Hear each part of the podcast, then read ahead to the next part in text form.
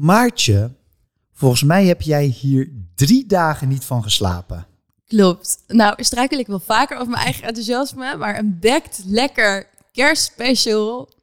Ik kijk er echt onwijs naar uit. En dit is waarom. Wij zitten hier in Kerstrui. En vandaag hebben we het over eetbare kerstbomen. Hoe je een champagne specialist wordt. En we steken onze neus volop in food kerstmagazines. En we hebben ook nog eens vijf foodie kerstcadeautips. Take a look in the five and ten listening once again. with candy canes and silver lanes aglow. It's beginning to look a lot like Professionele eters Maartje Nelissen en Gijsbrecht Brouwer vreten zich sneller door het laatste foodnieuws dan door een zak M&M's. In Backlekker de podcast delen ze om de week wat hun smaakte, verbaasde en irriteerde. De lekkerste ontdekkingen, licht verteerbare eetweetjes en verse trends.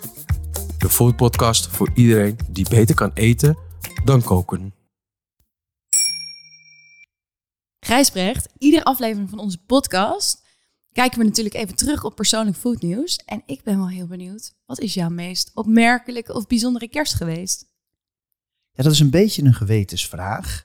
Ehm, want zoals jij weet, en veel van onze luisteraars ook weten, was ik natuurlijk ooit topsporter en dan deed ik wintersport. Ik was langlaufer. Dus ik had elke kerst een witte kerst, bijna tot vervelens aan toe. En wij gingen er altijd een beetje zakelijk mee om. Dus dat was gewoon wel lekker uit eten op eerste kerstdag. Maar volgende ochtend om negen uur stonden we gewoon weer op de skis en door. Ja, dus eten was een beetje bijzaak. Ja, dat klopt. En ehm, wist jij trouwens dat ik in Noorwegen heb gewoond? Ja, je hebt het wel eens verteld, maar ik weet er sowieso veel te weinig van. Het leuke van Noorwegen is, ik woonde daar dus om te langlaufen bij een, bij een gezin van een hele goede Nederlandse langlaufer. En het leuke van Noorwegen is, daar is kerst en oud en nieuw echt huge. Zeg maar, dat is echt de, de, de vikingen op weg, een oude traditie op weg naar het licht. En dan begint dus al met de adventskalender in december. En daarna op 23 december krijg je kleine kerstavond. Dat Hoe lief dan klinkt dat ook? Dat klinkt zo lief. Lille Jule aften op Noors. Oh. En dan eet je een pap, een rijstepap. En dat heet grut. Echt. Oeh, dat klinkt wel een beetje goor. Ja, het is ook een beetje goor. En er zit in een van die, van die papjes zit dan een amandel. En degene die de amandel heeft, die krijgt weer een varken van spijs. Oh, Vieren ze kerst, vieren ze op gewone kerstavond. Dus dat is met cadeaus en heel veel eten. Eigenlijk de hele dag eten, daar komt het op neer. Echt wel heel lekker. Hebben ze allerlei typische, typische Noorse eh, gerechten van. Ehm, en eh, dan wordt het echt leuk. ja. Dan is het dus kerstavond geweest. Dan komt eerst kerstdag. En dan hebben ze eigenlijk maar één echte eerste kerstdag. Ja. En net zoals in heel veel andere landen. We hebben natuurlijk eigenlijk alleen maar twee. En dan wordt het leuk, want dan gaan ze dus wel doortellen. En dan tellen ze door tot twaalfde kerstdag. Wauw. Dus Hè, maar dat is gewoon tot januari. Ja, dus eerst, dat noemen ze Roemjula. Dus een soort Ja? van ruimte rond kerst. En eh, dan tellen ze eerst door tot oud en nieuw. En dan tot de drie koningen. En dan zijn ze klaar. Mm. En bij jou dan? Nou, ik ben ooit bijna onterfd op een kerstdag bij mijn ouders thuis in Arnhem. Ehm, Oké, wat had je gedaan? ja. Nou, ik, ik, eh, je had juist heel erg mijn best gedaan, maar echt gewoon van alles ging mis. Het was een beetje zo'n Murphy's Law eh, kerst. Weet je wel, mijn zwager was hartstikke ziek. Eh, ik ging met de trein. Er was ontzettend veel vertraging. Ik nam een liefde voor het eerst mee. En iedereen, Oeh, welke ex was dit? dit was Dan, de manager van Gold Kimono, van wie we ook deze super lekkere tunes hebben. Oeh, ja. Nou, dan was dus voor het eerst mee. Iedereen was een beetje zenuwachtig en een beetje gelaten. Eh, ik zou een cocoon maken voor de hele familie. En mijn moeder had dus alvast inkopen gedaan. En dat lijkt me echt super. Dat hoef jij in ieder geval niet te doen, niet mee te slepen helemaal richting Arnhem. Nou, dat is altijd een beetje dubbel.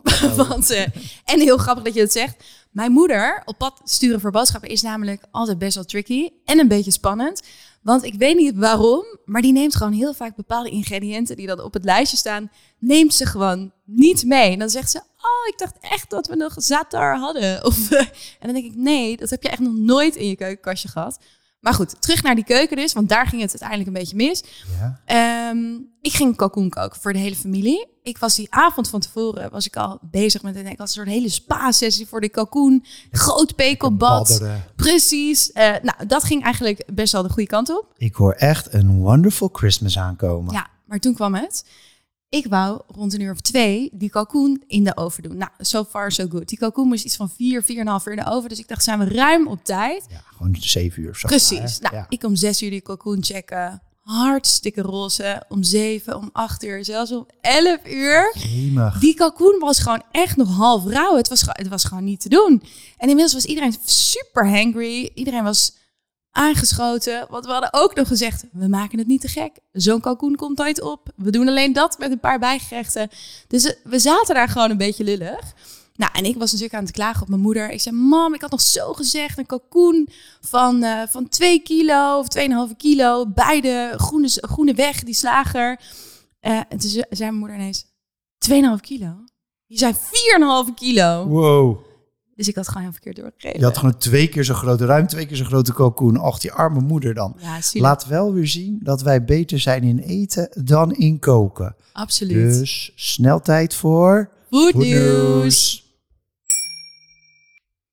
Lieve luisteraars, voordat wij beginnen. Mocht je deze feestdagen nou lang of kort onderweg zijn naar familie of vrienden... en denk je nou, hey, tante Shirley... die kan eigenlijk ook helemaal niet koken... maar die kan wel heel lekker lullen... en die houdt van gelul over eten. Stuur dan zeker even deze aflevering door... heb je meteen goede karma-punten te pakken voor volgend jaar.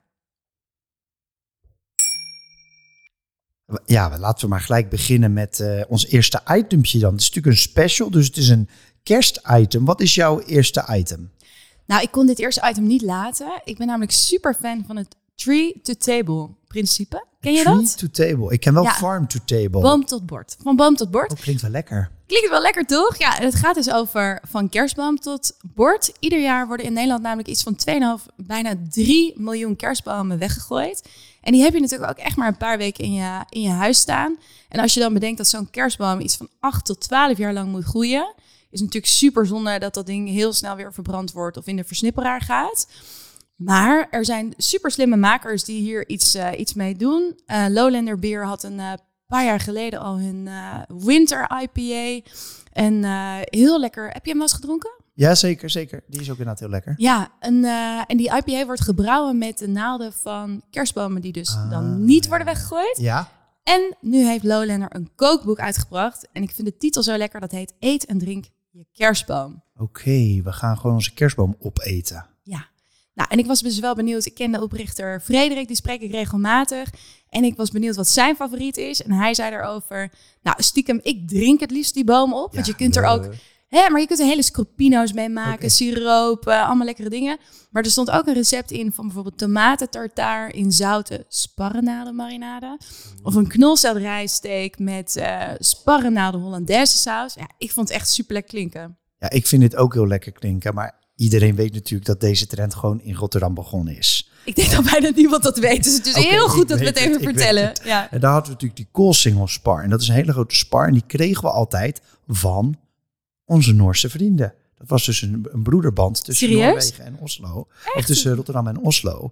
Dus daar zijn mijn Noorse vrienden weer. En Maidi van Forêt Atelier, die eh, heeft ooit een keer verzonnen van... ik ga wat doen, ik ga zorgen dat dat ding niet in de shredder terechtkomt. Ja. Ik ga er wat lekkers van maken. Ja, zij maakte inderdaad de cool eh, single spar siroop ervan. En zij heeft echt half Rotterdam opgetrommeld om te zorgen dat die hele kerstman werd, eh, werd verwerkt. Volgens mij maakte ze zelfs nog onderzetters van het resthout. En dan timmerde ze... Hele mooie, hele mooie Oh. ja, ook dingen voor in huis en zo. Ja, en dan timmerde ze hout, houten kistjes om, de, om die dennensiroop heen. Het, het is echt, echt prachtig. Een hele lekkere, hele lekkere siroop is het ook. Je Ja. verwacht het niet van een den of een spar in dit geval, eerlijk gezegd.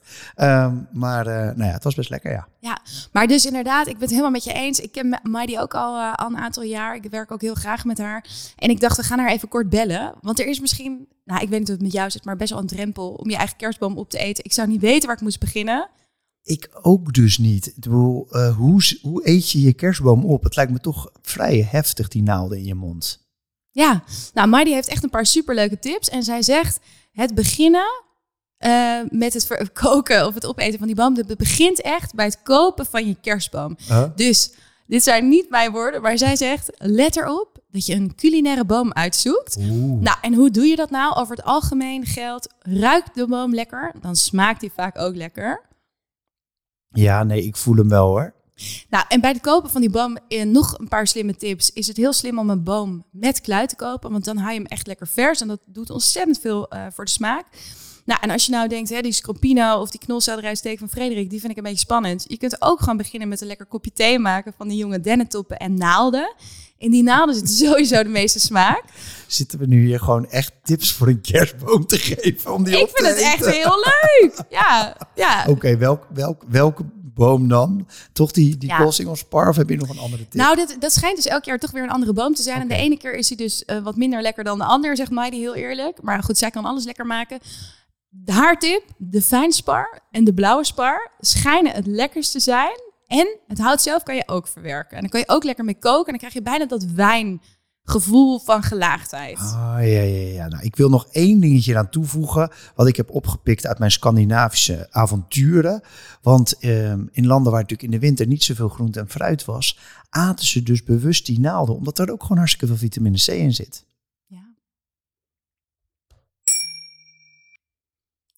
Hoe blij waren jij en ik laatst op een vrijdagavond? Ja, ik denk dat ik wel weet welke vrijdagavond je bedoelt. Ehm, Wij waren, ja, of het nou toevallig was of niet, het was bijzonder goed gepland. Wij waren op internationale champagnedag. Waren wij bij Bar du Champagne op het Rokin in Amsterdam. Ja, Maartje, je kent natuurlijk mijn motto. Ik heb dat in aflevering 8 al een keer gezegd. En eh, tegen een goed glas bubbels zeg ik nooit nee. En dan ben ik wel in het principe voorstander van champagne. Eh, ik wil niet discrimineren, maar champagne is toch wel eigenlijk de enige reden dat ik dan dat nooit nee zeg. Ehm, en die bar de champagne, die is dus dan ook een soort walhalla. Dus je hebt boven dat atelier, dan heb je achterin nog een cave. Ja, dus het atelier is de winkel. En de bar is natuurlijk de bar waar je ook een heel lekker hapje Ja. kunt eten. En dan een soort van split level heb je dan nog een cave waar je ook nog wat tafeltjes hebt staan. Dus je kan van boven zo naar beneden. Als je dan beneden zit, heb je echt een hele lange bar. Staat gewoon chefie, Joep, staat daar lekker te koken. Oh, je Joep. eet hartstikke lekker. En je kan dus iets van uit 900 flessen champagne kiezen. En ze willen echt nog wel leuk uitleggen eh, ja, wat er bijzonder is aan de champagne. Of waar die goed bij past. Dus Ja. Ik ben helemaal blij ermee. Nou heb ik nog even een gewetensvraag voor Ja. jou. Want wist jij dat wij veel te weinig champagne drinken in Nederland? Ja, dat hebben wij geleerd natuurlijk van Suzanne bij eh, Atelier du Champagne. Maar ik, het verbaast me wel. Dus Nederlanders drinken inderdaad gemiddeld per persoon anderhalf tot twee glazen champagne per persoon per jaar. Ja, per jaar hè? Per jaar, dat is gewoon alleen met Dat oud en nieuw. ik heb gisteren heb ik dus voor twintig eh, Nederlanders heb ik een, een jaar goed gemaakt. Dat heb jij zeker goed gedaan. En de grap is om het even weg te zetten tegen onze Belgische buren. Die zitten rond de 7, als ik het goed heb. En in Frankrijk zitten ze gemiddeld op 30 glazen per persoon eh, per jaar. En wat e- één heel Ja. grappig ding. Ik was vorige week vrijdag was ik met negen Franse dames uit eten. En toen hield ik dit even tegen hun aan. En toen zei ik, hoeveel glazen champagne denken jullie dat, dat we drinken gemiddeld? En toen zeiden ze echt, nou in Nederland 25, in Frankrijk 100. Dus om even meteen het niveau van verschil aan te geven. Jij komt ook wel aan je champagne. Nou, wij, kijk, champagne is natuurlijk best wel een dingetje, eh, net als wijn. En maar iedereen kiest natuurlijk altijd gewoon eh, die, die, die grote merken. En als je nou een beetje tof wil zijn, dan moet je natuurlijk gewoon even doen of je er net iets meer verstand van hebt. En daar zagen wij in, ehm, in het Amerikaanse blad Food and Wine Magazine, zagen wij hoe je dus ervoor kan zorgen dat je echt een champagne-expert wordt. Want zij zeggen, de kwaliteit van champagne is op dit moment op recordhoogte. En, en dat bevestigen wij, jij en ik, zeker, er komt steeds meer vraag naar champagne. Ja, dit is echt het betere foodnieuws voor ons. Ik las op de buik eh, eigenlijk een nog leuker artikel waarin eh, Ian van Eck vertelde over die boutique champagnes die jij net, eh, net benoemt. Ja, dat is echt heel leuk. Kijk, boutique champagne, ik hou alleen al van dat woord. Weet je wel. Zo'n lekker woord. Zo'n lekker woord. En boutique champagne is niks die grote massa champagnes. We gaan gewoon voor boutique champagnes. Boutique chic. boutique chic. En het mooie is, ja, champagne is natuurlijk heel erg duur. Eh, dat is natuurlijk de hele grap natuurlijk. En dat komt omdat het altijd uit, verrassend, de champagne moet komen. En dan bedoel ik dus de streek de champagne. En dan wordt het volgens een moeilijke, dat heet dan méthode traditionnel, wordt het gebotteld. Dat betekent dat het tweede keer wordt vergist op de fles en niet op het vat. Ehm, maar wat er dan, eh, wat er dan gebeurt is, ehm, Oh ja, ik ga, eh, ik ga bijna een champagne college Ja, geven. Pas op met champagne college. We, we, we houden ons in. Nou, inderdaad, wat nog interessant is om te weten, als we ons straks toch aan tafel of, of aan die bubbel willen voordoen als een expert. Bij champagne, anders dan wijnen, draait alles om de, om de blend. Dus een blend van verschillende eh, oogstjaren. En dat is eigenlijk met name om die kwaliteit heel constant te houden. En dat niet het ene jaar ontzettend afwijkt van het andere jaar. Ja, dus dat die, dat die champagnes op elkaar blijven lijken. En dat is natuurlijk een beetje klassiek oud wijn, denk ik. Weet je wel. en dat verandert die- ook wel, hè? Dat verandert. Dat Ja. zie je dus met die kleine boeren, met die, Ja. daar zijn ze weer, boutique champagnes. Zie je toch dat ze ook wat meer echt op één druif bijvoorbeeld richten. Of wat meer ook op, eh, op één jaar richten bijvoorbeeld. Kijk, het- we doen net alsof we gewoon al echt, eh, echt wat er vanaf weten. En, en voordat we het helemaal gaan ownen, wat nog een beetje onterecht Ja, is, ik ook maar wat. dacht ik, leuk om even te bellen met Suzanne. Oh ja, van Atelier de Champagne, laten we Ja. doen.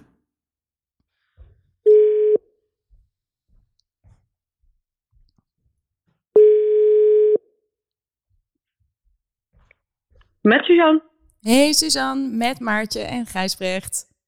Goedemorgen. Hey, hallo.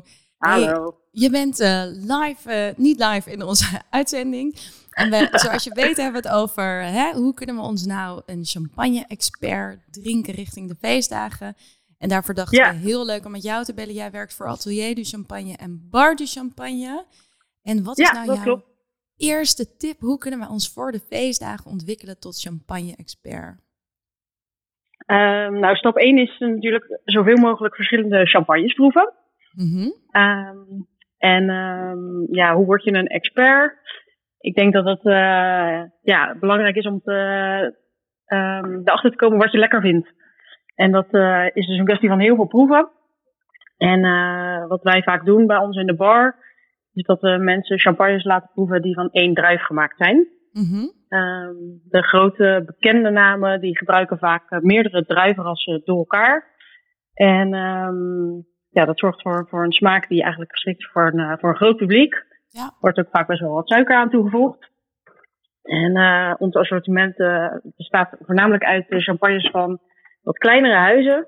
ehm, die eigenlijk wat, eh, vaak wat ja, met specifiekere druivensoorten werken. Ja, waardoor je eigenlijk meer, ja, meer verschillen kan proeven tussen de champagnes.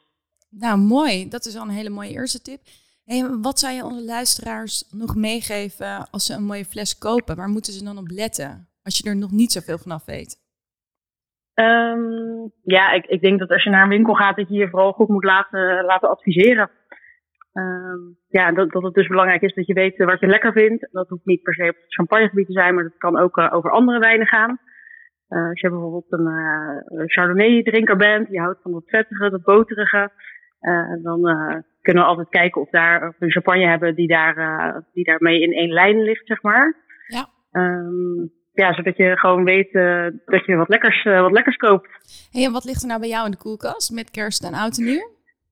Eh, nou, sowieso, ja, mijn koelkast daar ligt niet heel veel eten in, maar vooral heel veel wijn en heel veel champagne. Mhm. Ehm, ik denk dat ik, dat ik deze kerst misschien wel voor een mooie rosé champagne ga. En dan denk ik een rosé champagne van bijvoorbeeld Pierre de Wiel. Dat is een huis wat wij importeren. Ja. Eh, hele kleine oplagen, dus het is, eh, is lastig aan te komen, maar dat eh, is wel heel lekker. Leuk. Nou, geniet ervan. Proost. Ja, en, we hopen je dankjewel. snel weer bij jullie te zien. Helemaal goed, Dankjewel. dankjewel. Fijne dag.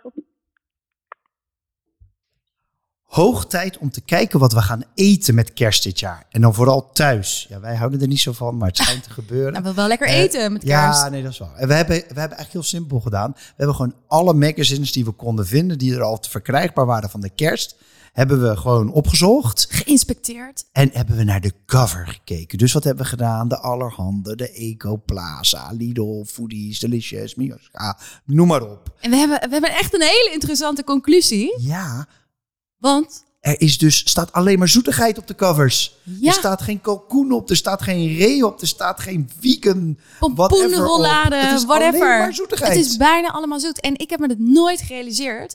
Maar al die voorpagina's, die zijn dus gewoon best politiek correct. Het is een soort safe space van voorpagina's. En eigenlijk snap ik het ook wel. Eh, want laten we eerlijk zijn, er gebeurt ook steeds meer polarisatie, denk ik, aan tafel. De een die denkt, Hé, het is kerst, mag ik eindelijk even een mooi stuk vlees eten? De ander denkt juist, nee, dat kan niet meer. Er zijn mensen met, die met buikpijn naar de supermarkt gaan vanwege de gestegen prijzen en inflatie. Het is best wel lastig, ook als supermarkt of als Delicious of als Food Magazine. Ja, ze creëren gewoon een soort desert safe space eigenlijk. Ja, ik denk van wel, maar het, het viel dus echt op. En wij dachten, zien wij dit nou alleen of waar komt dit vandaan? Hebben we een trend gesignaleerd? Hoe kan dit? Dus wat hebben we gedaan? We hebben kort Expert erbij gehaald. Expert, precies. We hebben kort gebeld met Annemarie. Zij ehm, heeft samen met Eka, haar man, het bureau Het Kookkantoor. Zij maken echt geweldige culinaire producties. Zoals tijdschriften of videocontent. Hey, oh, oh, ja, ik hoor je alweer doorratelen. We hadden natuurlijk, we wisten dat je enthousiast zou zijn vandaag. Maar we hadden het over covers. Sorry, covers. Even een stapje terug. Ja, welke stapje terug. voorpagina's van welke bladen en wat staat erop? Wat zijn we tegengekomen? Nou, hè, denk ik toch in de oplage de allergrootste is de allerhande. Ja. Op de pagina staat echt een, best wel een aantrekkelijke pavlova met wat rood fruit. De Eco Plaza heeft het lekker weten slash eten magazine met een soort bavarois cakeachtige taart op de voorkant. Lidl. De Lidl die komt met een merengue kerstboomtaart, ook weer met rood fruit. En Foodies magazine heeft een soort hele grote zoete borrelplan. Nou, dat is echt dubbele bonuspunten voor 2022 hypes hoor. Eh, ik ben nog niet eens klaar. Delicious heeft een soort collage met onder andere een eh, chocoladetriffel. En dan hebben we Miluska met Miluska's Magazine. Die moet je op voorhand bestellen trouwens. Die is niet te koop in de winkel. Die heeft best wel een vette foto van zichzelf met een enorme skibril.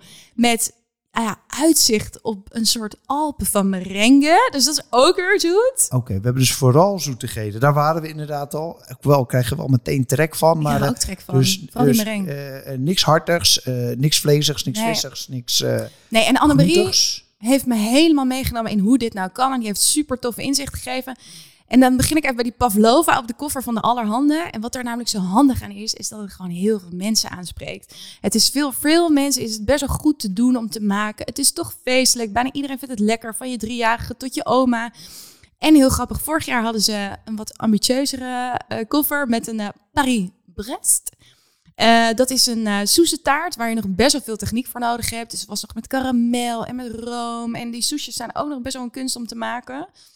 Ehm, Dat vonden mensen gewoon te moeilijk dus. Ja, dat begrijp ik wel. Want als ik trek heb in een Paris-Brest, ga ik meestal naar Paris, eh, Parijs dus. Of ik ga naar Le Petit Jean in Rotterdam. Maar ehm, over die covers, kijk, zo'n voorpagina moet natuurlijk ook wel iets van aspiratie uitstralen, vind ik. Moet ook weer niet te makkelijk zijn, toch? Of vergis ik me daarin? nee, dat, dat is precies ook wat, eh wat Annemarie zegt. Wat mij trouwens nog verder opviel, naast dus die eh, voorpagina's. Had nog de Linda gekocht met eh, een receptenreeks van Yvette van Boven. Die zag er sowieso lekker uit. Onze collega-podcaster. Absoluut. Die was heel tijdloos. Dus een beetje makkelijk te maken klassiekers. En wat mij wel opvalt, is ik heb het idee dat we na al die crisissen... en we zitten weer in honderdduizend nieuwe crisissen... dat we gewoon ongecompliceerd willen genieten. Gewoon recepten die niet mis kunnen gaan, die iedereen lekker vindt. Beetje comfortfood ook wel, denk Ja, ik. zeker. Maar wat ik me wel realiseerde, echt, ik heb nog meer respect voor al die receptontwikkelaars. Want hè, het moet makkelijk. Je wil je onderscheiden van die anderen. Eh, bij de supermarkt magazine moet je ook ontzettend op die kostprijs letten. En het liefst wil je ook nog, en daarvoor is dat zoet natuurlijk ook heel slim, staat het misschien ook op de koffer. Je wil eigenlijk ook iets wat je van tevoren kan maken. Dat je niet tijdens je kerstdiner nog Ik Twee uur een toetje ik maakt. Ik, mij viel nog één ander ding op, maar dat sluit hier een beetje bij aan. We gaan blijkbaar ook met z'n allen kerst ontbijten. Dus ik zag dat in de Lidl, zag ik dat staan. In het Miljuska-blad magazine zag ik staan. En ik kan me daar dus echt van alles bij voorstellen. En dan hoeft het van mij niet die gröt uit Noorwegen te zijn. Maar ik kan me van voor een paar mooie pannenkoeken, misschien wel een beetje rood er doorheen, dat ze rood worden. En dan ahornsiroop erheen. En dan duindoornbes of vlierbessen. Dan voel je toch Of even denne, dennenbomencheleitje erdoor. Jam. We hebben een bonus deze aflevering. Super lekker jongens. We behandelen normaal, zoals jullie weten, drie items over foodnieuws uit binnen- en buitenland. Het is de kersteditie, we wijken lekker af. En natuurlijk moesten we het hebben over hysterische kerstballen. Ja, eh, uiteraard kerstballen. We zien, eh, ik, heb, ik had trouwens een collega bij de buik die verzamelde al jaren geleden allerlei crazy food kerstballen. En die ging echt al in juli ging ze ongeveer de kerstboom alweer uit, eh, uit het Oh. stof halen. Dus ik weet ook zeker dat hij nu alweer lekker in de, in de kerstballen zit. Maar je hebt natuurlijk best wel hysterische en rare varianten. Ja, Ehm, heb jij, jij hebt je erin verdiept, meen ik. tuurlijk. Ja, ik, kon, ik, ik, heb echt te doen. te veel uren, genoeg internet voor mij eh, deze maand. Maar ik kon niet laten om even te, te bellen met het merk eh, Vondels. Vondels is een Amsterdams merk met ik denk wel 200 soorten kerstballen en ornamenten. Met de raarste uitvoeringen.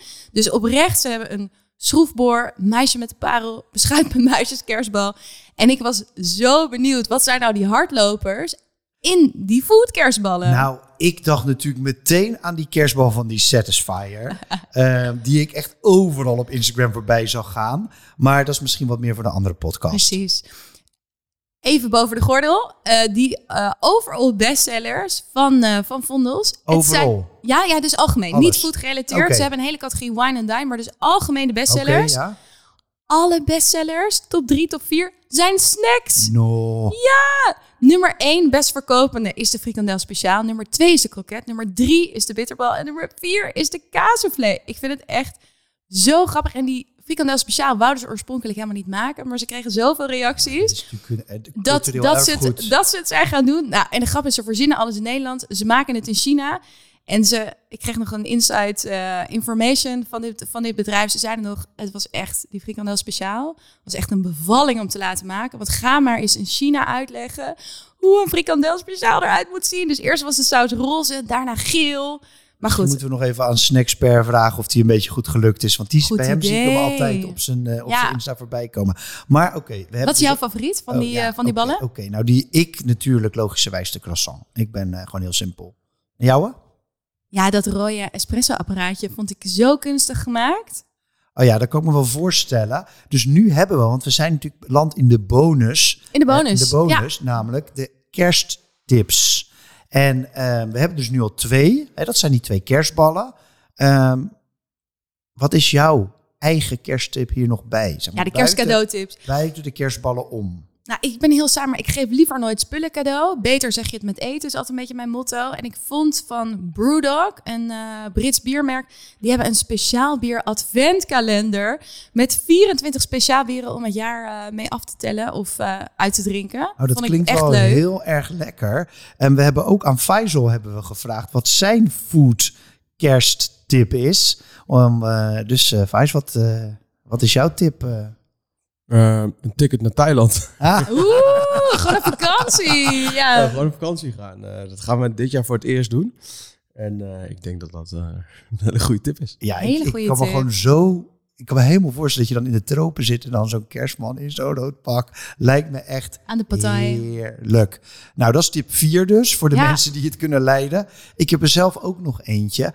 En dat zijn eh, de blikjes van Williams Cocktails. Dat is een Rotterdams merk wat gelieerd is aan Williams Canteen. En die maken van die ingeblikte cocktails. Hele mooie roze blikjes zijn dat. En dan kan je de acht tegelijk kopen in een mooi, wederom roze, met paars doosje. En er zitten er zeven cocktails in en één doosje met Kalamata olijven. En dan ben je helemaal klaar. En uiteraard, Maartje, er is aan jou gedacht. Ja? Want er zit zowel een Esma bij als een Poma bij. Oeh, Dus ook je lekker. Martini. Nou dan... Nou, dat was tip 5. Dan kunnen we nu naar... Ja, of niet naar Niet naar... kermis in je bek. Nee, we gaan, eh, we gaan even geen kermis in je bek doen. Bij deze speciale editie van Beklekker de podcast hebben we dus geen kermis in je bek. Nee. Maar wel een vraag aan jullie als trouwe of kerstverse luisteraars. Ja, kermis in je, in je bek is natuurlijk ons vaste proefitem. Iedere eh, week proeven we iets. En we proefden al van alles. Van advocaat tot alcoholvrij bier. Van pepernoten tot raarste chipsmaken. En wij wilden eigenlijk aan jullie vragen. Wat mag er nou niet ontbreken in 2023? Laat het ons alsjeblieft weten via onze social media. Je vindt ons op Instagram of LinkedIn. Als je zoekt op Backlekker de podcast. Of plaats natuurlijk een comment eh, in je favoriete podcast app. Je mag gelijk door, Maartje. maar ik kan ook wel aan jou. Ja. je, je- je kijkt me heel, heel lief Kijk, aan kijk, zo. zo heel van, nou verwachting, wat, nou verwachting klopt ons hart. Gijs, waar kijk jij naar uit? Oh nee. Eh, ja, zoals je mag verwachten van mij. Ik ga natuurlijk niet heel veel koken. Zeg maar. Zo on-brand van Ja, jezelf. Je bent sorry, zo on-brand. Ik ben zo Ja. keihard ben ik erin. dus ik ga uit eten. En ehm, we hebben op de buik van Amsterdam en de buik van Rotterdam hebben we een, een mooie lijst met tips waar je uit eten kan gaan. Ehm, en ik heb even gevraagd aan de twee hoofdredacteuren van Rotterdam en Amsterdam of zij één tip van onze luisteraars eruit wilden vissen. Ehm, en dan beginnen we met eh, Flora. Zij is de hoofdredacteur van Rotterdam. En zij zegt, ze geeft me er gelijk twee, daar hou ik altijd van de mensen die zo denken. Ah, ja. Zeg, als je lekker wil eten, moet je naar Pompet gaan in Rotterdam-Noord.